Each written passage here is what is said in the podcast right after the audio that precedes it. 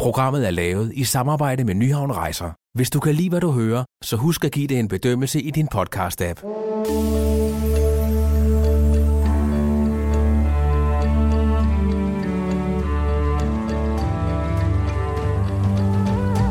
Velkommen til podcasten Øjeblikke af guld. Mit navn er Benedikte Balling. Vi sadler op og rider ud på hesteryg i det vilde vesten i Rocky Mountains. Den storslåede og ensomme natur i Rocky Mountains i Canada er overvældende. Her er der sneklædte bjergtoppe, vilde dyr, ørne for oven og krystalklare floder, der med den karakteristiske risten signalerer, at her er vi ude på naturens hjemmebane. Omgivet af høje, flotte, majestætiske bjerge, er vi så langt fra civilisationens trygge kår, men til gengæld ude på overdrev af indtryk. I bedste cowboystil rider vi ud sammen med Sten Grosen Andersen fra Nyhavn Rejser.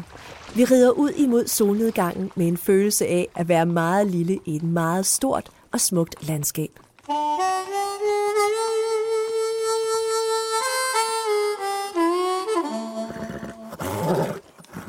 Men det, som nok har gjort størst indtryk på mig, tror jeg har været at øh, komme op og sidde på ryggen af en hest øh, sammen med en guide, og så var vi fire. Og så red vi simpelthen rundt øh, i området omkring langs Bedwell River i, øh, i hele Clakewood Sound. Og kommer ridende over de der floder, hvor hestene vader i vand sådan til, til midt på benene. Og du har de høje bjerge, du har den blå himmel, du har skoven. Og, og man får næsten en lille smule gåsehud og sidder og tænker sådan, det er jo en fin kulisse, jeg sidder i her. Jeg sidder lige midt i Brokeback Mountain land her. We ought to go south where it's warm. You know, we ought to go to Mexico. Mexico? Hell, Jack, you know me. About all the traveling I ever done is around a coffee pot looking for the handle. We can hunt in November, kill us a nice elk. Det er, øh, det er totalt magisk. Øh, og man, man har den der fornemmelse, at man godt ved, at, at der sidder måske en bjørn og kigger på dig, eller to lige i øjeblikket. Øh, du ser ikke dem, de ser dig. Men man ved, at de er der, og man ved, at man er ude i Guds absolut vildeste natur. Øh, stadigvæk selvfølgelig på en, med et vis komfortniveau. Men, men, men at ride igennem det der terræn med udsigten til de bjerge og udsigten til skoven og, og kan se hele vejen op og ned af Bedwell River der, det var, det var fuldstændig fantastisk. USA og Kanada har siden tidernes morgen virket tiltrækkende, både på guldgraver, bønder, forretningsfolk og kunstnere. På Østerbro i København bor den danske digter og forfatter Pia Taftrup. I hendes herskabslejlighed, der minder mest af alt om et bibliotek med bøger og tidsskrifter fra gulv til loft, begynder hun på historien om dengang muligheden opstod for at komme afsted til USA og Kanada tilbage i 1980'erne. Det var nemlig dengang Jakob Holt, manden bag bestsellerbogen Amerikanske Billeder, skulle bruge en assistent til sine ture. Jeg svarede på en annonce, han havde rykket ind i Forfatterforeningens blad, hvor han efterlyste en, som ikke behøvede så meget nattesøvn, og en, der kunne bære hans tunge kufferter, og en, der kunne køre hans bil. Og jeg skrev ham, til ham, at det var lige mig. Og det er første og eneste gang, jeg har svaret på en annonce. Men så kom vi afsted, og jeg kørte bilen på de lige strækninger og overlod den til ham, når vi kom til de store byer. Og jeg bar ikke hans kufferter, og jeg øh, skulle have mindst 8 timers søvn hver nat for at holde til den tur. Det var tværs over Bedwell River med øh, gennem brusende vand og det kuperede terræn, og hesten skulle sådan lige trods alt koncentrere sig for ikke at ryge på røven i det der iskolde vand. Der havde du bare den fornemmelse af sådan, wow, ikke? Når man kiggede op, så havde du bare de der kæmpe store bjerge med en lille smule sne på toppen, ikke? Du havde de der bjergsider ned med, øh, med, med fyretræ. Øh, jeg synes, det var, det var, det var fantastisk, og man bliver, man bliver altså en lille smule ydmyg af at sidde som en lille bitte mand på en kæmpe stor hest ude i det der fuldstændig overvældende natur. Jeg kan huske, at vi kørte fra Detroit og op, øh, op til øh, Canada den vej fra, og så tværs igennem Canada, og så tilbage ned gennem Quebec og ned gennem staten Maine. Og det var jo bare fuldstændig overvældende, efter at have været i de der store, beskidte, støvede, vidunderlige, dejlige byer, og så komme til, til den natur, der var der. Og det stærke var, at øh, solen skinnede den uge, vi var der, og det var meget, meget voldsomt flot lys, fordi øh, træerne var ved at, øh, at skifte farve. Så jeg vil sige, lyset og øh, farverne i bladene, det var nok sådan det mest overvældende.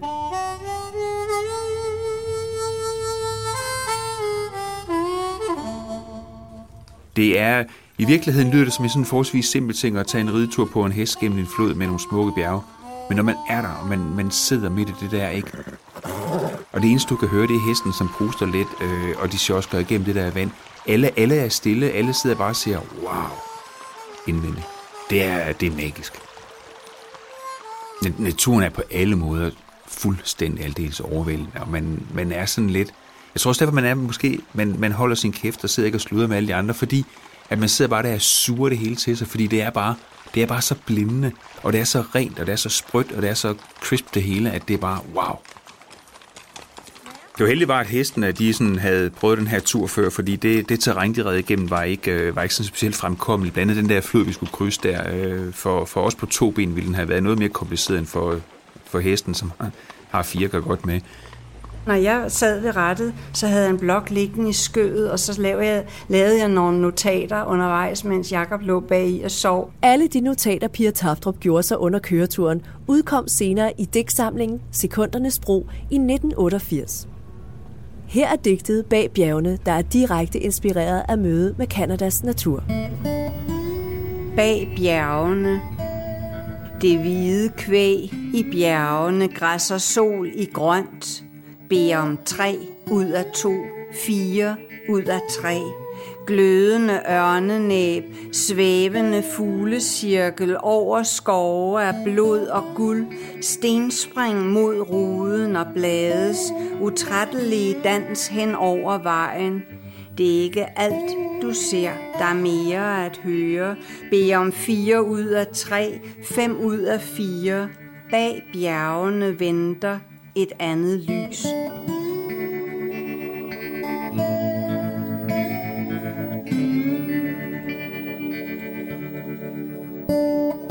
Udover bjerge og et fantastisk lys, er der en anden helt enestående oplevelse, man kan få på disse kanter.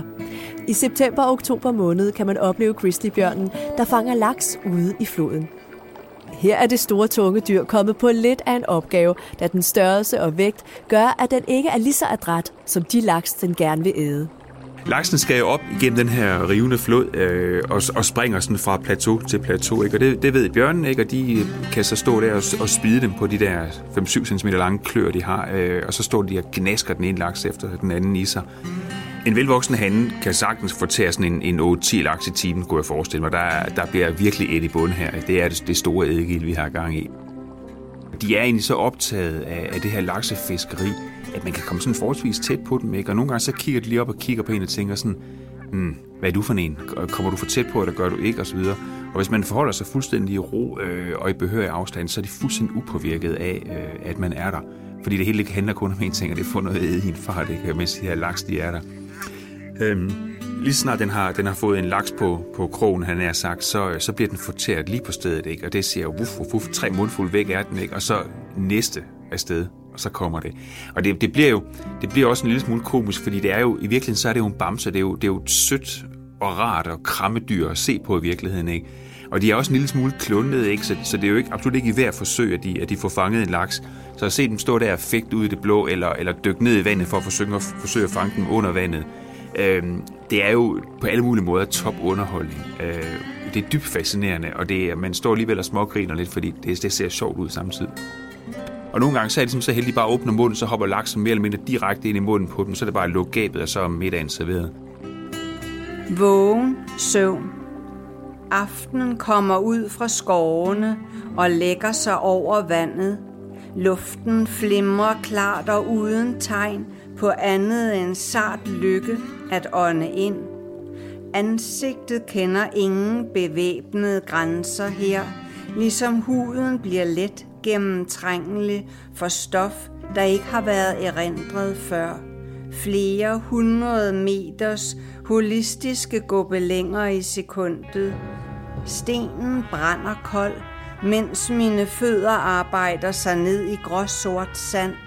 Eneste bevægelse dette overvågen sovende sted, hvor afstanden mellem bred og bred gentager det yderste sorte hul, eller i det mindste min tvivl om, hvorvidt stedet er drømt, denne stillhed, jeg langsomt kan vokse ind i ved at forlade noget andet, Sproget, der råber så højt om, at det blot er et blad mod alle skove i bjergene omkring, en dråbe af den sø, hvis blanke ro kroppen hvert øjeblik kan pløje op i fure af sølv.